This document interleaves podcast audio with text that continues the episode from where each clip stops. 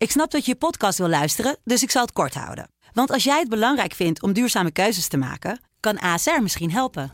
Nou hoor ik je denken, hoe dan? Nou, bijvoorbeeld bij het duurzaam herstellen van schade. Of de premies die we beleggen volgens ons duurzaam beleggingsbeleid. Dat bepaalt waar we wel en juist niet in investeren. Wil je meer weten over welke duurzame keuzes ASR maakt? Ga dan naar asr.nl/slash duurzame keuzes. ASR doet het. Zo, dan kan je nu lekker naar je podcast luisteren. In deze nieuwe aflevering vertellen we het verhaal van Sarah Maynard en haar broertje en moeder. Na een hele normale dag komen ze opeens niet meer opdagen op school en bij hun werk.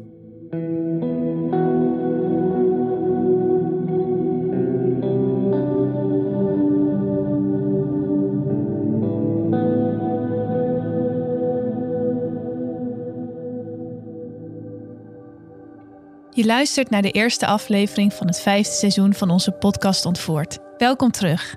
Wij zijn Maya Noordam en Kevin van den Berg. Iedere week duiken wij weer in een ontvoeringszaak die wereldwijd voor opschudding heeft gezorgd. Wil je alvast een beeld krijgen bij de ontvoeringen die wij bespreken?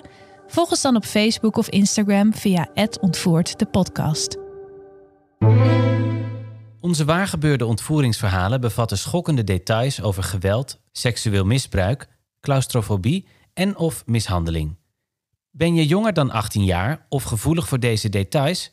Dan adviseren we je om niet naar onze podcast te luisteren. Dit is Ontvoerd, aflevering 41, als een blad aan een boom. Het is 2010 en we zijn in Howard, een klein plaatsje in de staat Ohio in Amerika. Hier woont de 32-jarige moeder Tina Herman, haar twee kinderen Sarah en Cody Maynard en hun hond Tanner. Tina is een energieke vrouw die als alleenstaande moeder voor haar kinderen zorgt. Ze werkt bij de plaatselijke Dairy Queen, een fastfoodketen die bekend staat om zijn softijsjes. Ze houdt van zonnebloemen en ze is altijd bezig om haar dolfijnencollectie uit te breiden. Haar dochter Sarah is 13 jaar oud. Ze is erg sportief en bescheiden. Haar broertje Cody is twee jaar jonger heeft een groot hart en staat bekend als heel zachtaardig. Ook hij is zeer sportief en hij doet aan alle mogelijke sporten mee. We gaan naar woensdag 10 november. Tina komt zonder iets te laten weten niet opdagen bij haar dienst om 4 uur bij Dairy Queen en dat is vreemd. Tina gaat graag naar haar werk, ondanks dat het niet de best betaalde baan is. Ze vindt het geweldig om met klanten om te gaan en hen elke dag weer blij te maken. Ook moet ze in haar eentje voorzien in het onderhoud van haar kinderen, dus Tina zorgt er altijd voor dat ze op tijd is voor haar diensten. Behalve vandaag. Tina neemt haar telefoon niet op en ze reageert niet op de berichtjes die Tina's manager en vriendin Valerie haar stuurt. Valerie weet dat dit niets voor haar is en besluit om contact op te nemen met de politie om melding te maken van de vermissing van Tina. Die avond gaan agenten twee keer langs bij het huis. Er wordt niet open gedaan, ondanks dat er auto's voor de deur staan en het licht brandt, maar ze zien ook geen sporen van een verdachte situatie. De volgende dag komt Tina echter weer niet opdagen bij haar werk. Ook heeft ze nog altijd niet gereageerd op de berichtjes of oproepen van Valerie, dus zij besluit om zelf polshoogte te nemen bij Tina's huis. Ze voelt dat er iets niet klopt. Er wordt weer niet open gedaan, maar Tina's auto is inmiddels van de oprit verdwenen. Valerie besluit in actie te komen. Zij en Tina zijn ook goed bevriend, dus Valerie weet dat er aan de achterkant van het huis een raam is dat altijd open is. Ze loopt naar het raam toe en kruipt het huis binnen. Eenmaal binnen krijgt ze ook geen gehoor. Er lijkt niemand thuis te zijn en ook hond Tanner is nergens te bekennen. Maar dan ziet ze bloed. Veel bloed. In de badkamer, op het tapijt en overal door het huis ziet ze bloedspetters. Dit is meer dan alleen het bloed van een snee in een vinger of een sportblessure. Dus ze besluit de politie te bellen. Al snel zijn er agenten ter plaatse. Ze doorzoeken het huis en de omgeving, maar treffen niemand aan. In de tussentijd hebben agenten ook al contact gehad met de school van Sarah en Cody. Gisteren waren zij nog gewoon op school, maar vandaag zijn ook zij niet opkomen dagen. In de garage vindt de politie een jeep met daarin bloedvlekken. Het blijkt te gaan om de auto van Stephanie Sprang, de beste vriendin van Tina. Stephanie is een bruisende vrouw van 41 jaar oud en moeder van Michael, Trisha en Seth. Ze woont vlak bij Tina en is bijna altijd samen met haar. Maar Stephanie is volgens haar vriend niet thuisgekomen en hij kan haar niet bereiken.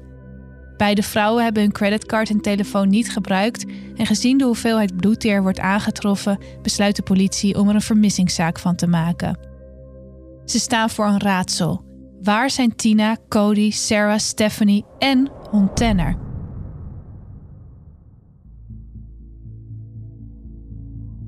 De politie besluit het onderzoek uit te breiden naar het bos.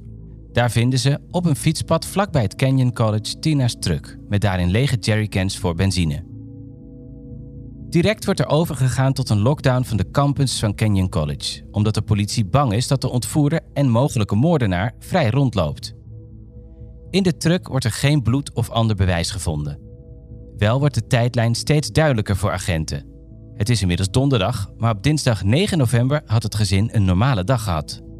Tina ging naar haar werk, de kinderen gingen naar school, ze kwamen thuis, aten met elkaar, maakten huiswerk, keken tv en gingen naar bed.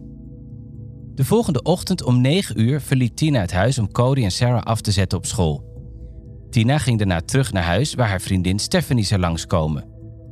Om 4 uur moest Tina werken bij Dairy Queen, maar daar kwam ze nooit aan. Dus wat is er in de tussentijd gebeurd? Ondertussen gaat het onderzoek in en rondom het huis onverminderd door. Er worden bebloede rubberen handschoenen gevonden en gezien de hoeveelheid bloed lijkt het onwaarschijnlijk dat iemand de aanval heeft overleefd. Maar in het modderige gras buiten vinden agenten schoenafdrukken, die gezien de maat van een vrouw of meisje moeten zijn. Het biedt de onderzoekers hoop dat in ieder geval één persoon die dag het huis uit heeft kunnen lopen. Tegelijkertijd voert het de druk op het onderzoek flink op. Als iemand nog in leven is, dan telt elke seconde.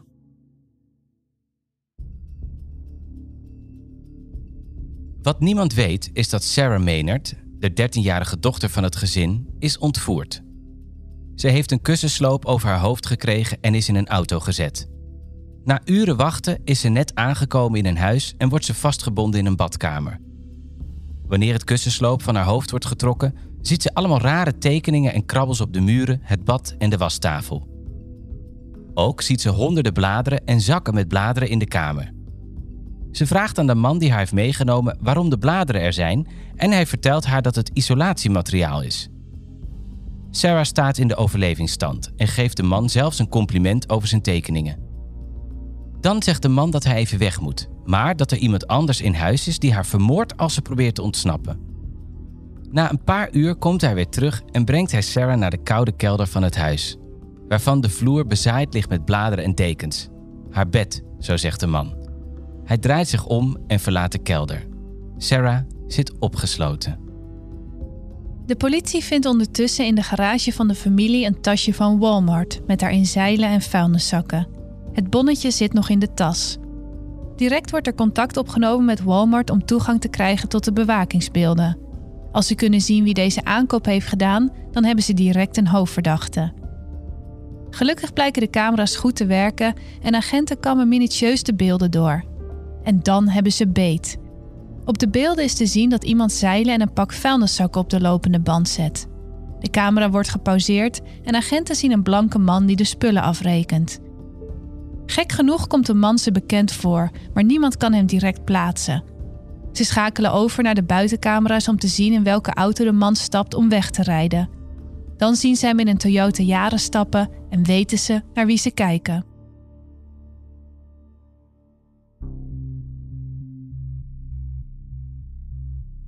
Ondertussen zit Sarah nog altijd opgesloten in de kelder. Er zijn geen ramen en ze verliest haar tijdsbesef. Ze heeft geen idee waar ze is. Sarah zit vastgebonden met een touw, is gekneveld en draagt een vuilniszak met gaten bij haar benen als een geïmproviseerde luier. Het enige waar ze aan kan denken is dat ze te laat is voor school. De dagen verstrijken en Sarah kiest ervoor om alles te doen wat haar ontvoerder zegt, in de hoop dat hij haar niet vermoordt en dat ze snel wordt gevonden.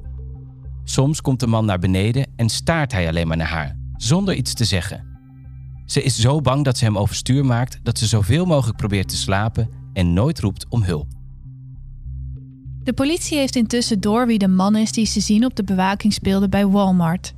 Het is dezelfde man als de toevallige voorbijganger die ze hebben gesproken terwijl ze Tina's truck onderzochten nadat deze was aangetroffen op het fietspad. De man werd toen ondervraagd omdat hij rondhing op de parkeerplaats vlak bij de vindplaats van de truck. Ze vroegen hem waarom hij daar was en hij had verklaard dat hij zijn vriendin moest ophalen van haar werk in het Canyon Inn Hotel. Het leek onschuldig, dus niemand dacht er verder iets van. Tot nu. Hij was op de plaats delict, hij heeft de aankoop gedaan die gevonden is in het huis en de naam van zijn zogenaamde vriendin? Sarah, dezelfde naam als de vermiste dochter van Tina. De politie heeft een duidelijke verdachte, de 30-jarige Matthew Hoffman. Matthew Hoffman werd voor het eerst gearresteerd toen hij 19 jaar oud was. Toen brak hij in bij een appartement in Colorado waar hij werkte als loodgieter. Om zijn daad te verhullen keerde hij terug naar het flatgebouw met 45 liter benzine om het in brand te steken. Gelukkig wisten alle 16 bewoners ongedeerd te ontsnappen, maar de brand liet voor 2 miljoen dollar aan schade achter. Hoffman werd veroordeeld tot zes jaar gevangenisstraf en werd in 2007 vrijgelaten. Drie jaar voorafgaand aan de verdwijning van Tina en haar gezin. Hoffman ging aan de slag als boomsnoeier, maar raakte al snel zijn werk kwijt. Buren noemden hem vreemd en zagen dat hij opmerkelijk gedrag vertoonde.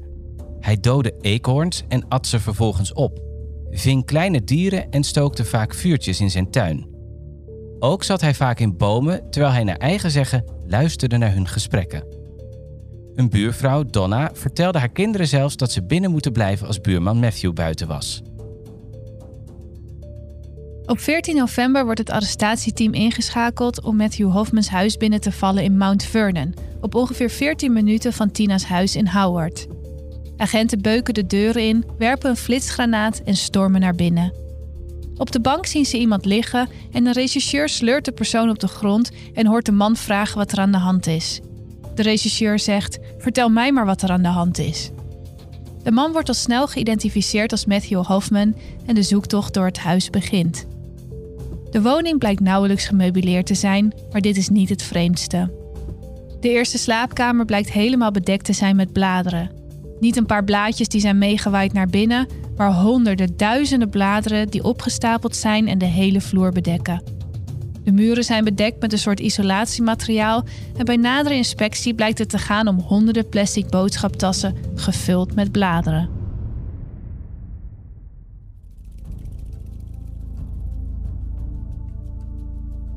Terwijl ze verder door het huis lopen, merken agenten op dat de kelderdeur geblokkeerd is door een kast. Ze schuiven de kast opzij en lopen naar beneden. Hier treffen ze wederom een kamer die overspoeld lijkt te zijn door bladeren. Maar in deze kamer is er nog iets anders te vinden. Op het bed van bladeren zit een meisje. Het is Sarah Maynard. Het meisje kijkt de agenten aan en vraagt direct of ze haar naar school willen brengen. Ze is te laat namelijk. Natuurlijk wordt Sarah niet naar school, maar naar een ziekenhuis gebracht om haar te onderzoeken. Ondertussen gaan onderzoekers onverminderd door in het huis van Matthew Hoffman om in de stapels bladeren te graven waar mogelijk de lichamen van de andere vermisten verborgen liggen. Want Sarah is terecht. Maar waar zijn Tina, Cody en Stephanie? Ze beginnen met stokken in de stapels te prikken en in de badkamer vinden ze 110 zakken met bladeren die aan de muur vastzitten en de spiegel bedekken. Ze vinden echter geen spoor van Tina, Cody of Stephanie. Dan ontdekken ze in de kelder een gigantische vriezer. Ze zetten zich schrap voor wat ze gaan ontdekken terwijl ze langzaam het deksel openen. Maar in de vriezer zitten slechts rode ijslollies, maar ook bevroren, dode eekhoorns. Tina, Cody en Stephanie zijn niet in het huis. Wel vinden de onderzoekers door het hele huis krabbels op de muren. Een gigantisch vredesteken op de deur, sterren op de muren en tekeningetjes op de badkuip. Ook treffen ze bonnetjes aan waaruit blijkt dat Hofman zes dagen voor de verdwijningen handschoenen heeft gekocht en slechts twee dagen ervoor ducttape, nog een paar handschoenen en een mes. De ongerustheid neemt toe. Waar zijn Tina, Cody en Stephanie? Matthew Hoffman wordt meegenomen naar het bureau, maar hij houdt zijn kaken stijf op elkaar. Hij negeert eerst elke vraag die hem wordt gesteld. Maar 15 minuten na het verhoor steekt hij zijn hand op en begint met zijn vuist op zijn borst te bonzen. De rechercheur vraagt of dat betekent dat hij diep bedroefd is over wat er is gebeurd, maar hij schudt nee. Dan vraagt de rechercheur of iemand zijn hart heeft gebroken, maar Hoffman vervalt weer in stilte. De uren die volgen zegt hij geen woord meer. Ondertussen wordt de hele omgeving uitgekampt op zoek naar Tina, Cody en Stephanie Honderden vrijwilligers helpen de politie bij de zoektocht. Er wordt echter geen spoor van het drietal gevonden. De wanhoop neemt toe. Twee dagen later, op 16 november, wordt speciaal agent Joe Dietz ingezet om Hoffman te ondervragen. Bij het toilet, buiten de verhoorkamer en het zicht van de camera, probeert hij hem aan het praten te krijgen. En dat lukt. Hoffman realiseert zich dat het gesprek niet wordt opgenomen en begint te praten. Hij zegt dat hij denkt dat hij gek is en dat hij iets slechts heeft gedaan. Hij zou immers niet op het politiebureau zijn als dat niet zo was, maar hij is bang om erachter te komen wat het is dat hij heeft gedaan. Hij zou helpen als hij kon, maar hij kan zich niet herinneren wat er is gebeurd. Hij weet naar eigen zeggen niet eens wie Tina, Cody en Stephanie zijn.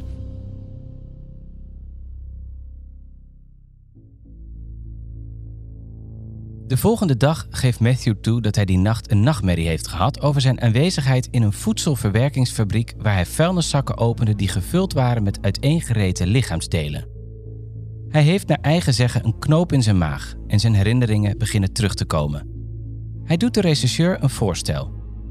Hij wil bekennen wat hij heeft gedaan en alles opschrijven, inclusief de locaties van de lichamen, in een brief voor zijn advocaat.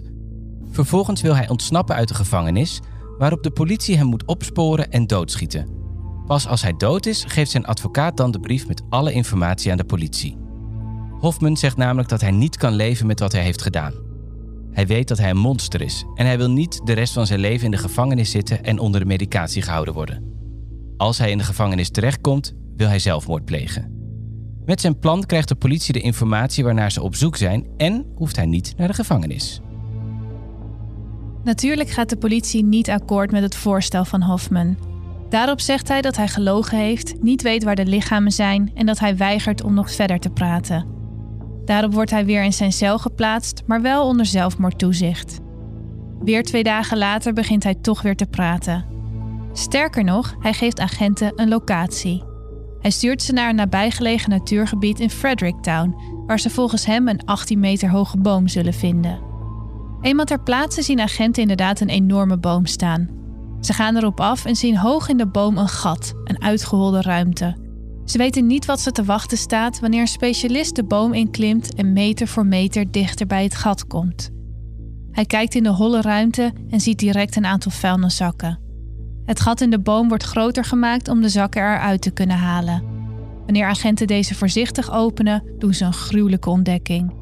In de vuilniszak zitten ontbinde lichaamsdelen en het stoffelijk overschot van een hond.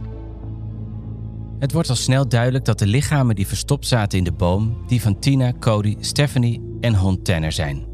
Sarah blijkt, niet onverwacht, maar wel tegen alle hoop in, de enige overlevende te zijn. Naar aanleiding van de vondst maakt Hoffman alsnog een deal met justitie. In ruil voor een volledige bekentenis wordt niet de doodstraf tegen hem geëist. De families van Stephanie en van Tina en Cody zijn het eens met deze afspraak. Matthew Hoffman schrijft vervolgens een bekentenis van vier pagina's waarin hij beschrijft wat er precies is gebeurd.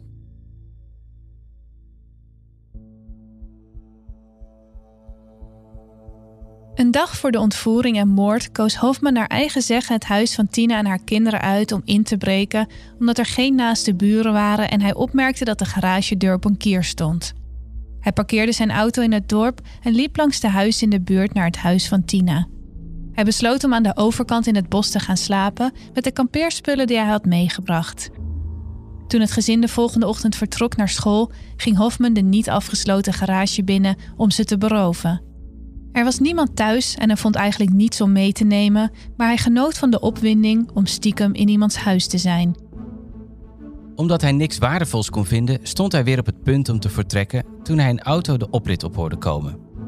Hij kon niet via de garage ontsnappen en kreeg geen ramen open, dus hij pakte het mes dat hij bij zich had en confronteerde Tina toen ze weer binnenkwam. Hij probeerde haar knock-out te slaan zodat hij kon ontsnappen, maar dit lukte niet. Hij dwong haar om met haar gezicht naar beneden op bed te gaan liggen, om verder op haar hoofd te slaan zodat ze haar bewustzijn zou verliezen. Maar ook dit lukte niet. Op dat moment kwam Stephanie binnen, die had afgesproken met Tina. Ze zag wat hij aan het doen was en begon direct tegen hem te schreeuwen om hem tegen te houden. Hoffman raakte in paniek. Hij pakte het mes, liep naar haar toe en stak haar dood. Vervolgens ging hij terug naar Tina, die nog altijd op het bed lag, en doodde ook haar. In shock dwaalde hij door het huis terwijl hond Tanner bleef blaffen. Daarop stak hij de hond dood en besloot de lichamen te laten verdwijnen. In eerste instantie was zijn plan om de lichamen in zijn auto naar de parkvijver te brengen, het water in te rijden met de auto en vervolgens zelf snel te ontsnappen. Maar het was erg koud, dus hij was bang dat hij hierdoor zelf niet goed zou kunnen ontkomen. Daarom besloot hij om de lichamen te verwerken en te verstoppen in een holle boom. Hij nam de lichamen van Tina en Stephanie mee naar de badkamer, waar hij ze in stukken hakte en in vuilniszakken stopte. Vervolgens bracht hij de vuilniszakken naar de auto van Stephanie in de garage, maar op dat moment kwamen de kinderen Sarah en Cody thuis. Hij confronteerde de kinderen en Sarah rende onmiddellijk naar de slaapkamer. Cody was niet snel genoeg en werd direct doodgestoken door Hoffman. Hij rende Sarah achterna, maar vermoorde haar niet. Hij bond haar vast in de keuken, knevelde haar en legde een kussensloop over haar hoofd. Na een tijdje legde hij Sarah in de achterbak van Stephanie's auto samen met een aantal vuilniszakken. Wat Sarah niet wist, is dat in die vuilniszakken de lichaamsdelen zaten van haar moeder, broertje en Stephanie. Ze reden een stukje in Stephanie's jeep, waarna Hofman stopte. Hij nam alle vuilniszakken mee, maar liet de 13-jarige Sarah achter. Op dat moment ging hij het bos in om de vuilniszakken in een hoge boom te takelen, om ze vervolgens te verstoppen in een holle ruimte daarin. Daarna kwam hij terug naar de jeep, legde Sarah in zijn eigen auto en bracht Stephanie's auto terug naar Tina's huis. Vervolgens liep hij terug naar zijn eigen auto en reed met Sarah aan boord naar huis. Daar bond hij haar vast in de badkamer en vertelde haar dat er iemand buiten was die haar zou vermoorden als ze zou proberen te ontsnappen. Vervolgens bracht hij haar naar de kelder, naar het bed van bladeren en sloot haar op. De volgende dag besloot Hofman terug te keren naar het huis van Tina om het mogelijke bewijsmateriaal in brand te steken. Hij liep naar het huis en pakte Tina's truck om via het canyonpad benzine te gaan halen. Maar de auto kreeg pech, dus hij liet deze achter en liep naar huis om te gaan slapen. De volgende dag reed hij met zijn eigen auto terug naar de truck van Tina om zijn plan voor te zetten, maar ineens zag hij allemaal politieagenten bij de auto staan. Hierin stonden de jerrycans voor de benzine die hij nodig had, maar hij kon er dus niet meer bij komen. Hij werd zelfs ondervraagd over zijn aanwezigheid en verzon snel een verhaal over zijn zogenaamde vriendin die hij stond op te wachten. Nadat de agenten hem lieten gaan, ging hij naar huis en maakte hij een vuurtje in zijn achtertuin waarin hij zijn kleren en schoenen verbrandde. Hoffman verklaart ook dat Sarah het eigenlijk heel goed bij hem heeft gehad. Ze had een lekker bed, ze kreeg van hem het boek Treasure Island, samen keken ze naar Iron Man en hij maakte heerlijke hamburgers voor haar. Sarah's verklaring sprak dit al snel tegen. Ze vertelde dat ze seksueel was misbruikt, ze was gesneden aan haar vinger met een mes, ze werd gekneveld en kon niet eten of douchen. Er was geen eten in huis en het enige dat ze kreeg was een kom cornflakes met rotte melk. Zijn verhaal is niet het echte verhaal en ik laat hem dat niet zomaar claimen, zegt ze.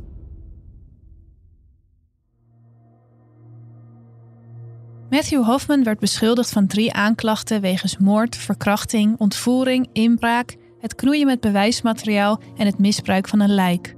Hij pleitte schuldig, maar hij beweerde nog altijd dat hij die dag het huis had betreden om in te breken, niet om iemand te vermoorden. Er zijn nog steeds veel mensen die deze verklaring niet geloven.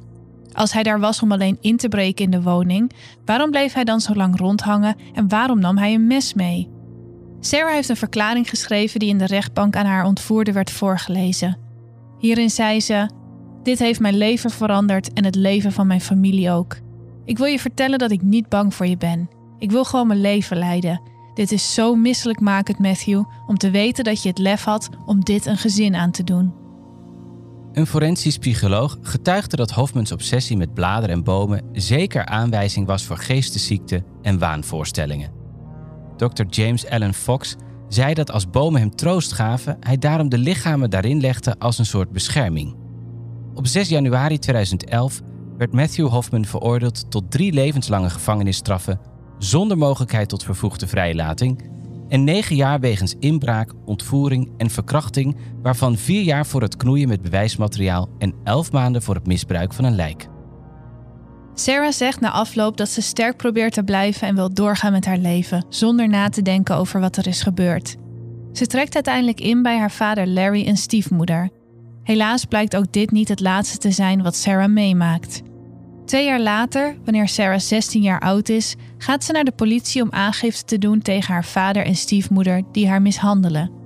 Ze verklaart dat haar vader haar in de rug heeft geslagen en heeft gedreigd haar te vermoorden en dat haar stiefmoeder haar van de trap heeft geschopt. Beiden worden beschuldigd van misdrijven rondom huiselijk geweld en mishandeling en er wordt een beschermingsbevel uitgegeven voor Sarah. Uiteindelijk trekt Sarah de aanklachten in, op voorwaarde dat haar vader en stiefmoeder ouderschapslessen volgen, een psychologische beoordeling krijgen en in therapie gaan. Ook moeten ze ermee instemmen dat Sarah bij haar oma gaat wonen. Tina's familie is het Healing Heart Memorial Fund gestart om anderen te helpen die getroffen zijn door geweld. De hele gemeenschap kwam samen voor het organiseren van een jaarlijks luchtballonfestival. Ook Sarah is hierbij betrokken, in de hoop dat het kinderen zoals zij zal helpen om te gaan met het verlies van familieleden door moord. De boom waarin Tina, Cody, Stephanie en hond Tanner werden gevonden is sindsdien uit het gebied verplaatst omdat het een vreemde bezienswaardigheid werd voor mensen die van ver kwamen om het te bekijken. Sarah zei uiteindelijk: Natuurlijk zijn er voor iedereen dagen waarop we ons hopeloos voelen en waarin we het willen opgeven. Ik weet zeker dat we er allemaal zo over denken, maar opgeven kunnen en mogen we echt niet. Tot zover het verhaal over de ontvoering van Sarah Maynard. Wil je een beeld krijgen bij Sarah, Tina, Cody en Stephanie en Sarah's ontvoerder Matthew Hoffman? Volg ons dan op Instagram via ontvoerd de podcast. Vanaf maandag geven we je daar ook beeldmateriaal bij deze zaak. Volgende week vertellen we je in een nieuwe aflevering over de ontvoering van het Britse jongetje Daniel Handley, die na het spelen bij een vriendje niet thuis kwam voor het avondeten. Tot dan.